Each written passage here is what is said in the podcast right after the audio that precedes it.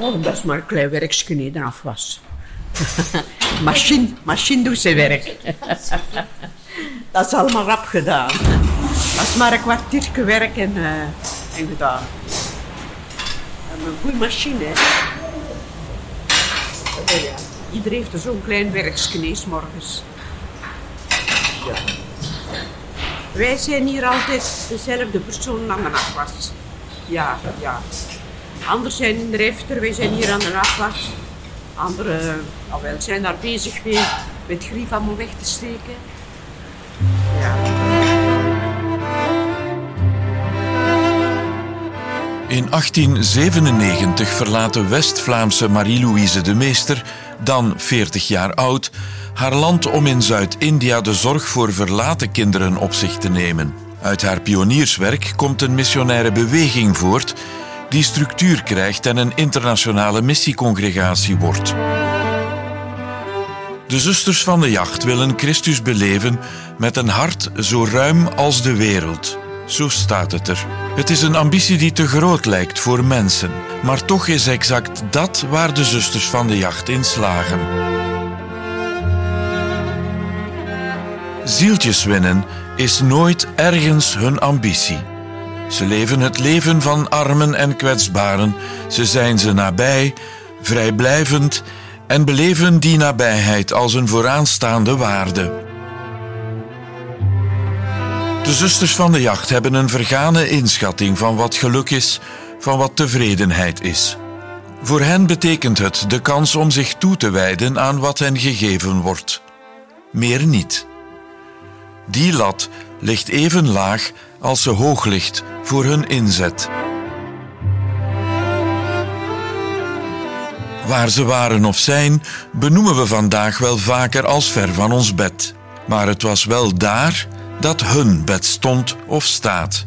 Daar waar ze mensen op heel wat verschillende manieren, met onnoemelijk geduld, vaak met verrassend veel lef, op weg helpen naar een minder miserabel leven.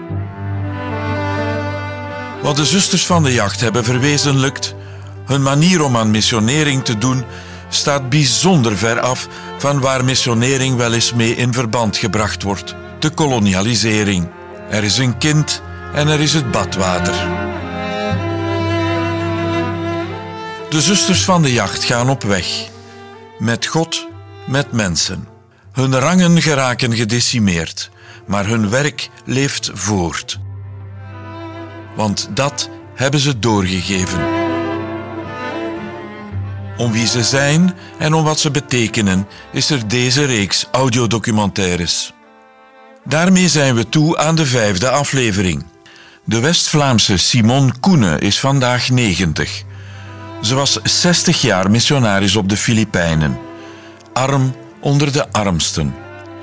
Kerk is missie, vindt ze. En dat is meteen ook de titel van deze aflevering. Kerk is missie. De kerk moet met andere woorden blijven getuigenis afleggen, waar ook ter wereld. Zuster Simon Koene. U luistert naar Radio Kerknet en ik ben Leo August de Bok. Ik ben Simon Koene. Ik ben wat mij heel nauw aan het hart ligt. 60 jaar missionaris geweest op de Filipijnen, maar nog missionaris natuurlijk. Ehm, ik ben wel nu tien jaar terug in België voor goed. Ik was 81 toen ik naar huis kwam en ik zeg ja, misschien is het tijd dat ze het nu toch zelf doen. En uh, ja, dat gaat goed.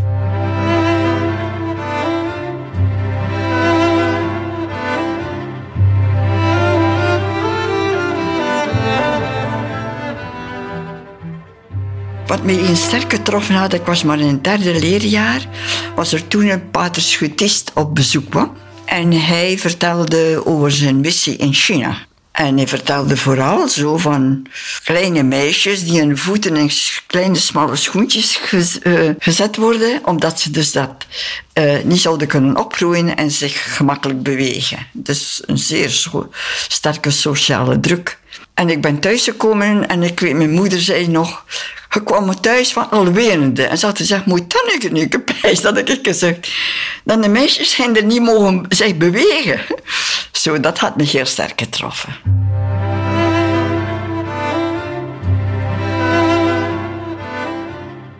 Een, een andere incident dat mij ook heel en waardoor dat het verder gegroeid is om missionaris te worden, was er als er iemand van de zusters van de jacht op afscheid kwam in onze naburige parochie.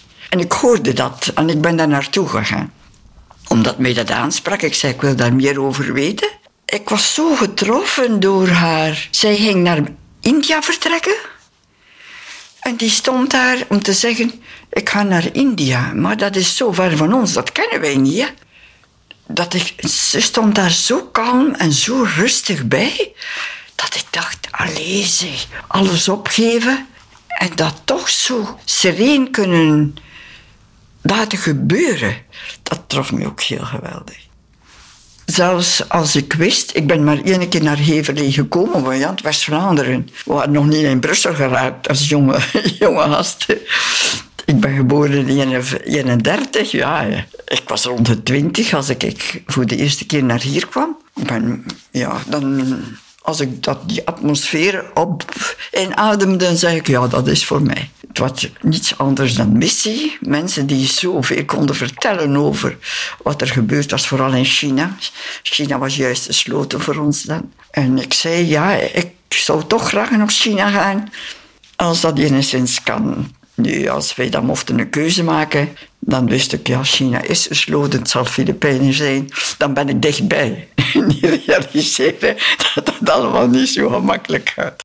En zo, ja, ben ik dan, ik was 22 als ik, uh, als ik binnengegaan ben hier bij ons. En onmiddellijk kunnen vertrekken naar de Filipijnen, naar mijn professie.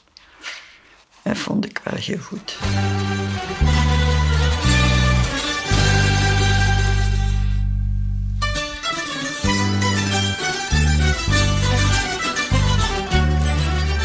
Wij waren met 17 geprofest. De meesten moesten naar Congo, omdat Congo in nood was.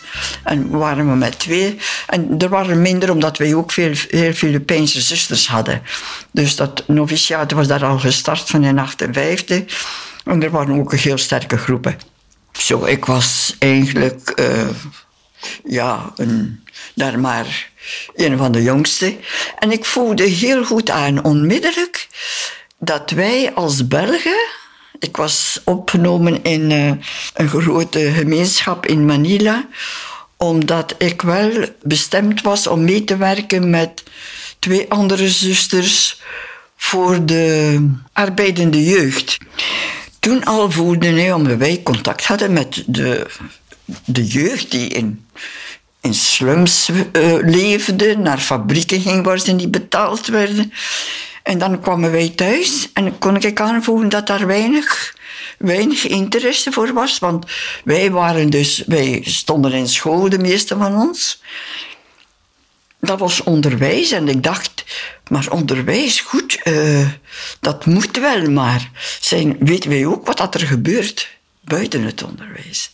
En dan voelde ik wel dat wij daar ergens wel zeer sterk nog achterop waren. En ik heb dat voortdurend aangevoeld. Ik heb altijd gezegd, wij waren heel sterk voor onderwijs, omdat wij een inkomen moesten hebben. Maar goed, we waren andere mogelijkheden. Het inkomen, wij moeten kunnen leven, dat is inderdaad waar. Maar ga je naar gemeenschapsontwikkeling, daar word je niet betaald. Heb je geen salaris. Zo, hoe doen wij dat dan? Er waren wel goede overeenkomsten, voorstellen gekomen zo onder ons. Maar daar was, was weinig gehoor bij.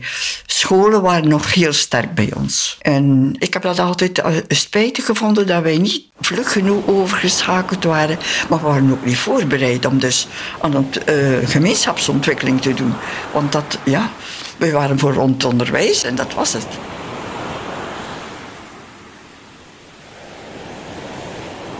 Ik kwam toe in Manila na 29 dagen bootreis en ik had Engels gestudeerd. Engels proberen te leren, want uh, we hadden tijd. Nu, ik kom in Manila. Ik was vertrokken met zuster Tilo, moeder Tilo. Ze was zogezegd raadslid op de Filipijnen. Zij was dus een persoonlijkheid die heel veel invloed had op Sint Theresa's College. Dat was Manila, waar wij thuis kwamen, waar ik thuis kwam. En we werden verwelkomd met rijen kinderen in uniform, die met flasken stonden te zwaaien. En ik keek. Maar ik zeg, dat is hier geen arm volk. Ik ging naar de Filipijnen voor de armen. En ik kwam daartoe in Sint Teresa's. Maar ja, na, nadien heb ik dat heel goed kunnen contextueren. Maar als ik toekwam, dat kwam als een golf op mij. Zeg, dat is niet waar ik moet zijn. Dat was zo de eerste indruk die ik kreeg. Verder evalueren dat, ja, als dat zo is, dan ga ik terug. Ik kan beter in België werken dan hier. Als dat de Filipijnen is. Maar ja, wij weten dus wel, Sint Teresa's, dat was heel sterk voor de rijken. Want daar heb ik mijn ogen open gedaan. Dat heb ik in België nooit gezien. Hoe onze studenten, als zij hun, eind, hun eindproclamatie hadden, die kwamen allemaal in schone lange gewaden met auto's die overal rondkwamen. De rijkste mensen van want wij hadden een internaat in Manila omdat heel veel eh, meisjes vanuit het zuiden dan konden in Manila blijven omwille van het Sint Teresa's College. Dat was zeer goede opvoeding. Daar kunnen wij echt niks van zeggen, maar ik voelde wel dat ze zich geweldig afsloten. Dus het was Sint Teresa's. Wij kennen alleen dit en veel verder gaan we niet kijken. En toch zijn allemaal mensen, studenten uit de Filipijnen. Je ziet toch ook de armoede en allemaal. En dan, als wij dus ja, naar die slum-areas gingen, dan dat heel dat beeld veranderde natuurlijk. Maar dat is mijn eerste indruk.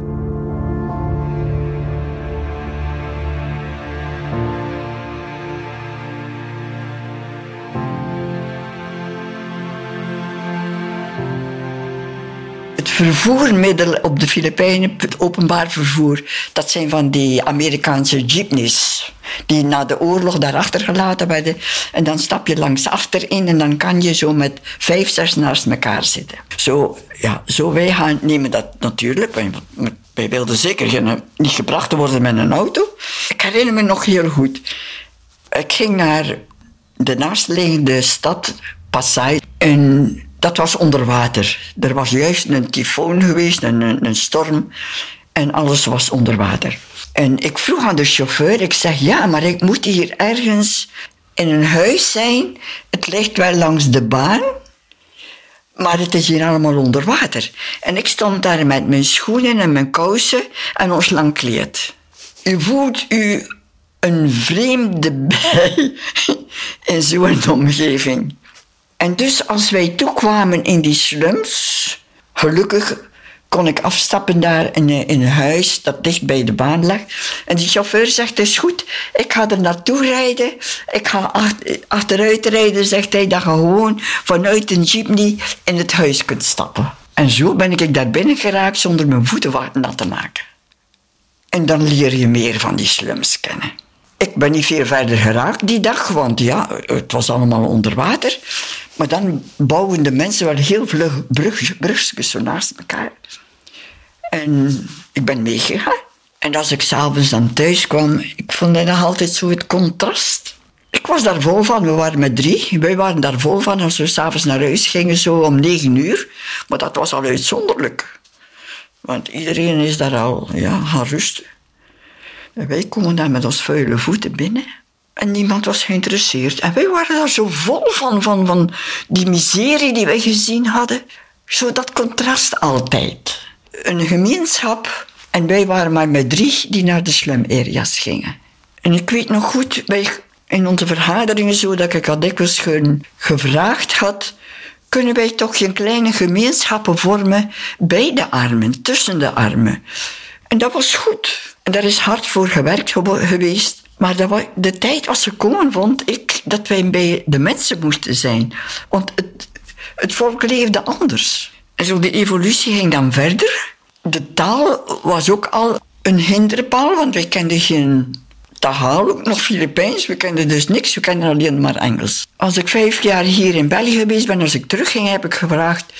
Laat mij toch de taal studeren. Want in de tussentijd was dat nationale taal geworden. Had Cory Aquino dat kunnen als wet invoeren. En dat was dus ook de, de motivatie als ik uh, in 1971 terugging naar de Filipijnen. Om dus die nationale taal te leren. Als je dan bij mensen kwam in het zuiden om het noorden, ze kenden er niet veel van, maar ze verstonden toch wat het wilde zeggen. Maar het heeft mij zeven jaar geduurd, zeven jaar, dat ik echt zeg, nu heb ik geen schrik meer van om het even wat er gezegd wordt. Anders was dat altijd als ik bij onze zusters in de, in de gemeenschap was. Zeg, wat wordt er daar gezegd? Ik heb dat niet verstaan. Dat kon ik dan nog altijd vragen. En ja, bij tussen de mensen wonen, dat, je voelt dat. Hè? Je bent onmiddellijk thuis.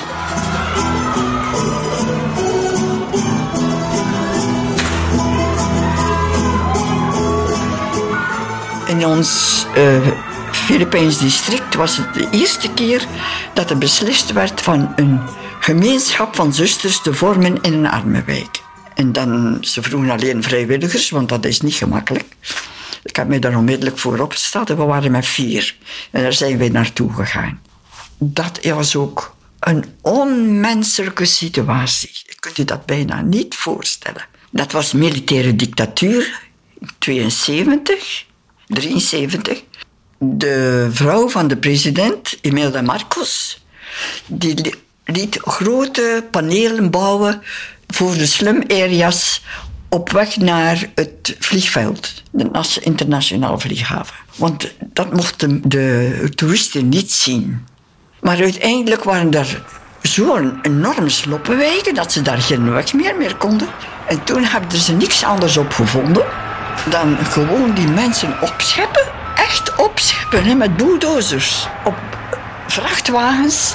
En die hebben ze dan in resettlement areas neergezet. Dat was de tijd tijdens de militaire dictatuur dat er vijf resettlement areas georganiseerd werden, dichtbij Manila, Manila of dichtbij. Er was één bepaalde resettlement waar wij gevraagd hadden, de jongeren, en dat werd heel vlug uh, goedgekeurd, van een studie te maken. Waar de mensen nu echt het armst waren. Wij zijn daar met vier naartoe gegaan. We hadden geen huis.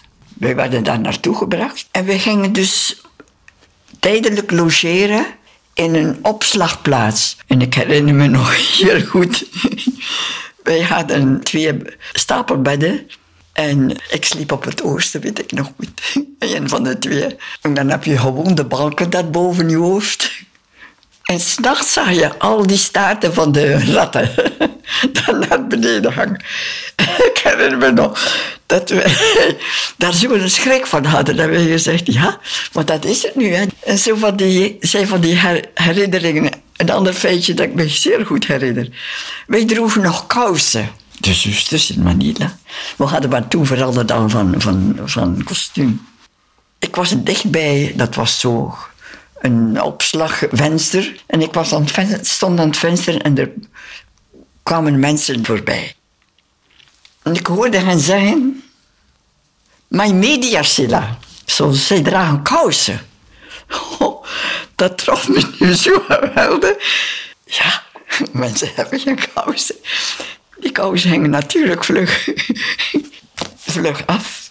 Zo van die eerste indrukken zo van een resettlement area. Maar een resettlement area, dat was toch blijkbaar was daar private grond tussen. Dus er waren allemaal kleine wijken, maar dat ze konden innemen, de mensen. Daar waren geen wegen naartoe. Daar was geen water, daar was geen elektriciteit. Daar was eigenlijk niks. En toen zijn wij ja, samen zo onze weg proberen te zoeken en te vinden.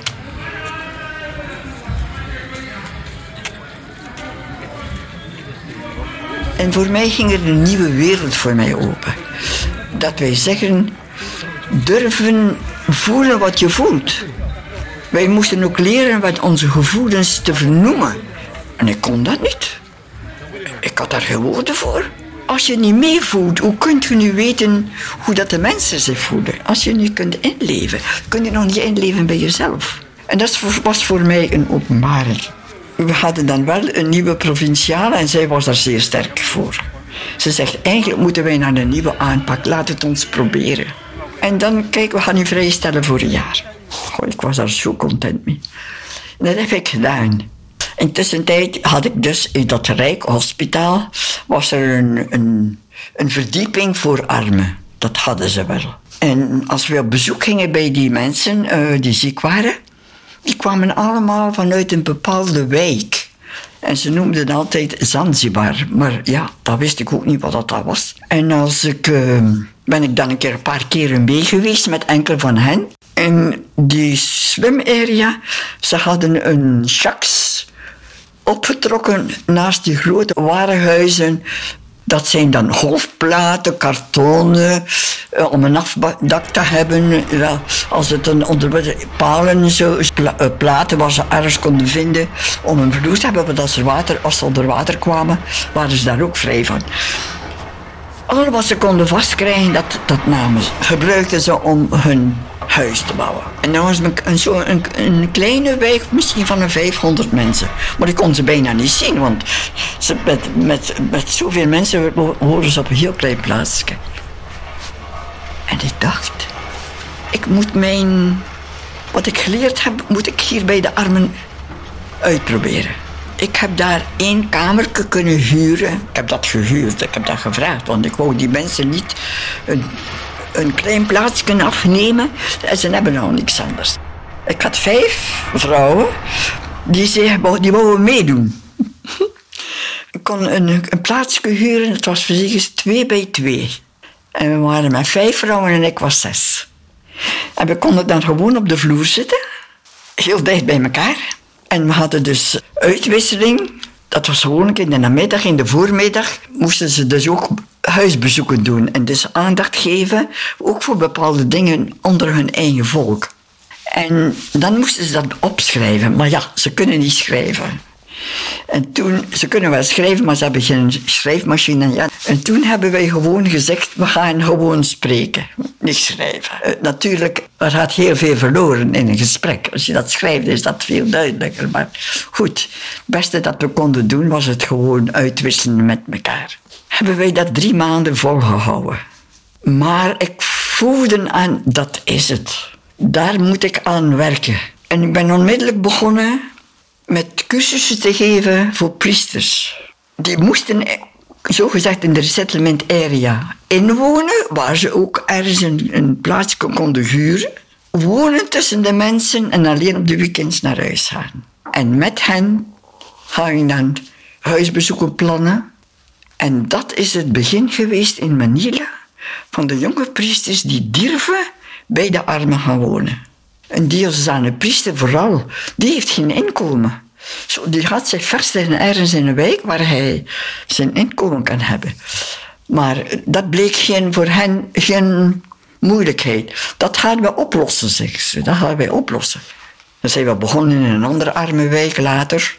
En heb ik daarmee doorgegaan. En dat was ook een, een, een enorme, een enorme sloppenwijk. Ik had een vriend, uh, Pater Gilles en die woonde helemaal in het noorden van Kisselsied. En hij zegt, Simon, zegt hij, kom naar hier een maand wonen. Je zult zelf weten waar je naartoe moet. Ik heb dat gedaan, een maand. En dat was een enorme sloppenwijk. Niemand wist daarvan. Het was maar 10 kilometer ten noorden van ons districthuis. Maar daar wist men dat niet. Ook ten noorden van de van van al die, die rijke scholen.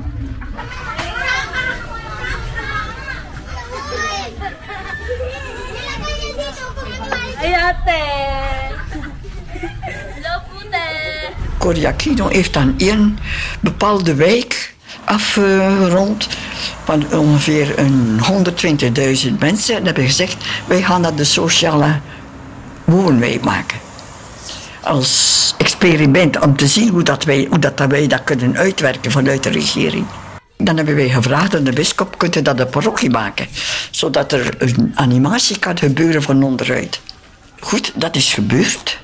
Zijn wij gaan kijken wat leeft hier vonden wij wel dat er overal kleine kapelletjes waren zo. Want mensen willen gauw een, mis hebben.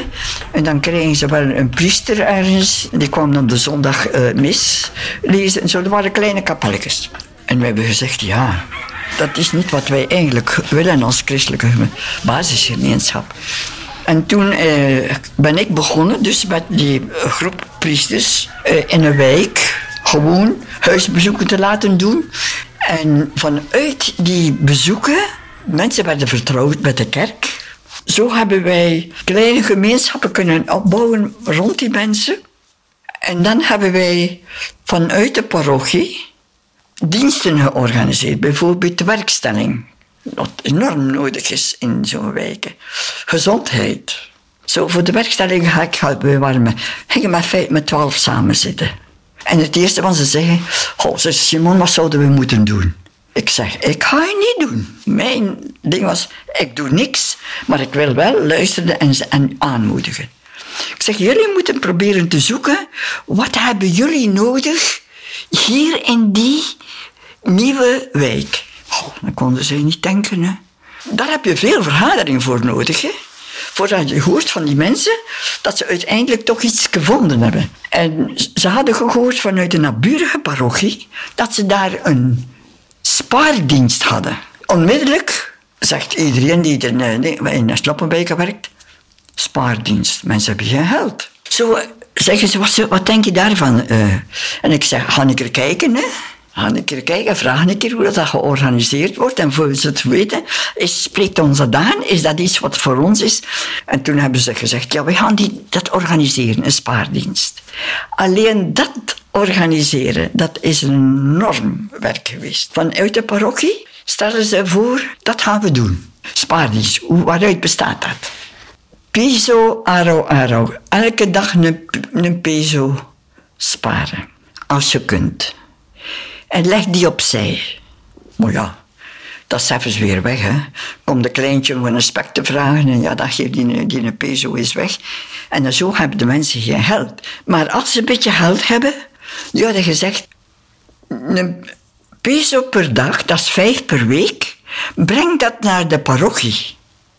We gaan spaarboekjes maken. We gingen dat uithangen in het secretariaat van de parochie, waar weer mensen naartoe komen. Een groot papier hangen. Kijk, wie spaart er al? De namen. En die, heb, die week, ah, die heeft vijf euro, vijf pesos gespaard. En die heeft ook. En stilletjes aan dachten ze, ja.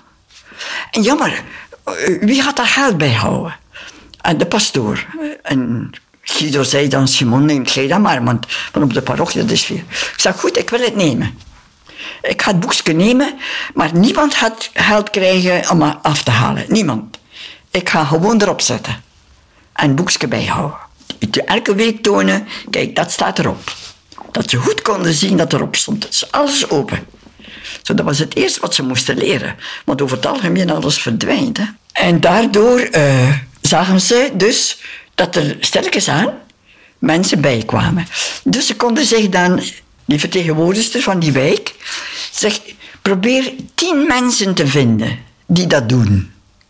En die brengt dat, uh, die boekjes dan naar de vergadering en we gaan dat nakijken. Je hebt dat gekregen, je brengt het binnen, we gaan het opschrijven, zodat het geld niet verloren gaat. Zeer sterke controle. Na twee jaar waren er meer dan 600 mensen die spaarden. Bij 60 groepen van 10. En het werd opgeteld. En er was meer dan 600.000 pesos. In twee jaar tijd.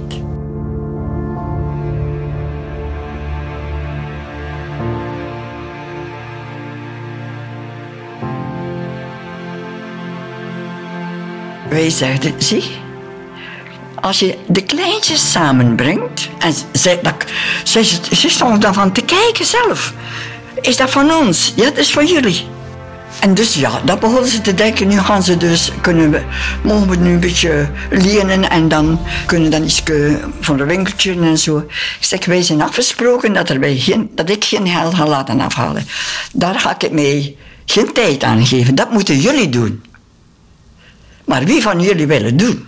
Dan ze vertrouwen elkaar niet. Dus ja, hoe gaan we dat oplossen? En toen zijn ze gaan zoeken En de pastoor bij ons was dan Pater Francis en ik kwam van Paranaque, een, een parochie, waar een coöperatieve georganiseerd werd. En hij zegt, laat het een coöperatieve worden. Dan moeten ze verantwoordelijk zijn voor hun eigen geld, voor het geld dat ze uitlenen, en dat kunnen sterke aan bij een vorming geven. En dat is nu nog, dat is nu nog een heel sterke coöperatieve. In zover dat ze zelfs een lagere school georganiseerd hebben vanuit een coöperatieve. En het is de eerste coöperatieve die het ooit gedaan heeft.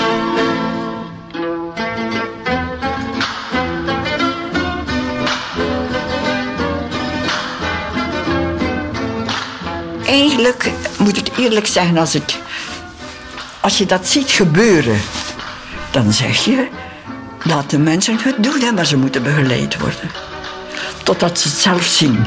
Ze schrijven mij nu dat ze zeggen dus, ze hebben allemaal een stukje grond kunnen afbetalen, want dat was de sociale, dat was zo uit, uitgedokterd van de, uit de regering, dat, ze, dat was die sociale woonwijk. Ze hebben dat dan allemaal kunnen afbetalen en ze hebben dus al, de een had een goed winkeltje, die ander had een andere enterprise. Fantastisch. Ja, enorm. En het groeit van onderaan, hè.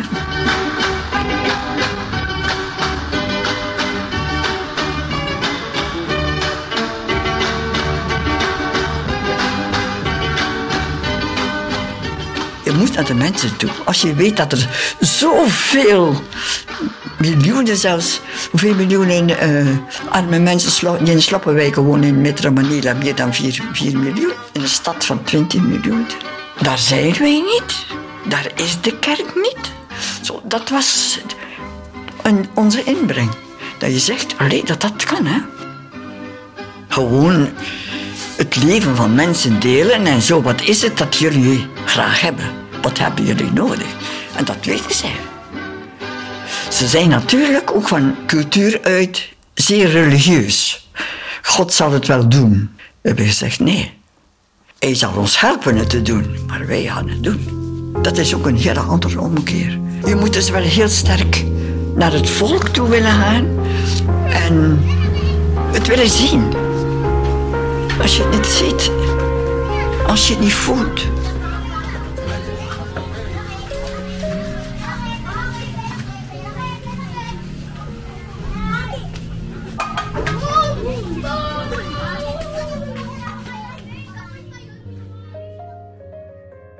Dat hadden wij heel weinig. Dus je hebt twee bij, vier bij vijf. Ja, onze living, dat was onze eetzaal, dat was onze bidzaal, dat was alles bezoekers ontvangen. Er is niks anders. Je in één plaatsje. Er waren van onze zusters die gevraagd werden om bij ons te komen wonen, maar die konden dat niet. Want zo wonen, gingen ze, konden ze niet aan. Dan zie je soms hoe je echt moet dus geleidelijk aan inleven. Want als je dan andere mensen hoort, die kunnen het niet aan. Wij sliepen op de loft. Uh, bedden kun je daar niet zitten. Wij sliepen gewoon op matten. Het is toch uh, hout. Je slaapt op matten naast elkaar. En je kleren die hangen er aan de muur. Heb je een kast, heb je plaats. Zodanig dat onze, een van onze provinciaals, wij, wij woonden daar toen al lange tijd. En ze zegt, ik probeer mensen aan te spreken om bij jullie te komen wonen. Maar ze zeggen dat dat veel te arm is, dat gaat niet. Ik zeg, wij hebben een huis zoals de mensen. De mensen wonen hier naast ons. Dat huis. Waar mensen wonen met zeven kinderen. Meer zelfs. En wij zijn hier met drie. Oh, wij uh, gevoelde aan zo dat de mensen zeggen: het is niet te, niet de zusters. Uh, het is goed. Zij hadden het, wij hadden het ook. Zo, we woonden op eenzelfde niveau, we hadden dezelfde huis. Ja, echt. Wij waren daar thuis. Oh, ik was daar thuis. Ik heb me nooit zo thuis gevoeld als daar. Wij kunnen alleen maar nog missioneren als wij met en bij, de mensen zijn. Dat gaat niet anders. Ik ben zelfs zo blij dat onze congregatie zich durft herbezinnen dat ze dat aandurven. Ze zijn dus heel belangrijk aan het her, herorganiseren, want missie is belangrijk. Ik ben daar blij om. Spijt dat ik negende ben. Tijd is voorbij.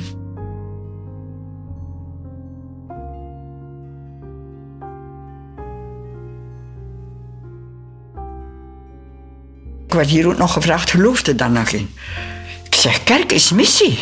Als er geen missie meer is, hoe het ook zich uitdrukt. Dan willen wij echt voor ons leven voor inzetten. Missionaris zijn is voor het leven. En dat zal. Dat gaat gebeuren. Dat kan niet anders. Daar geloof ik heel sterk in. Kerk moet toch blijven getuigenis geven, waar ook ter wereld.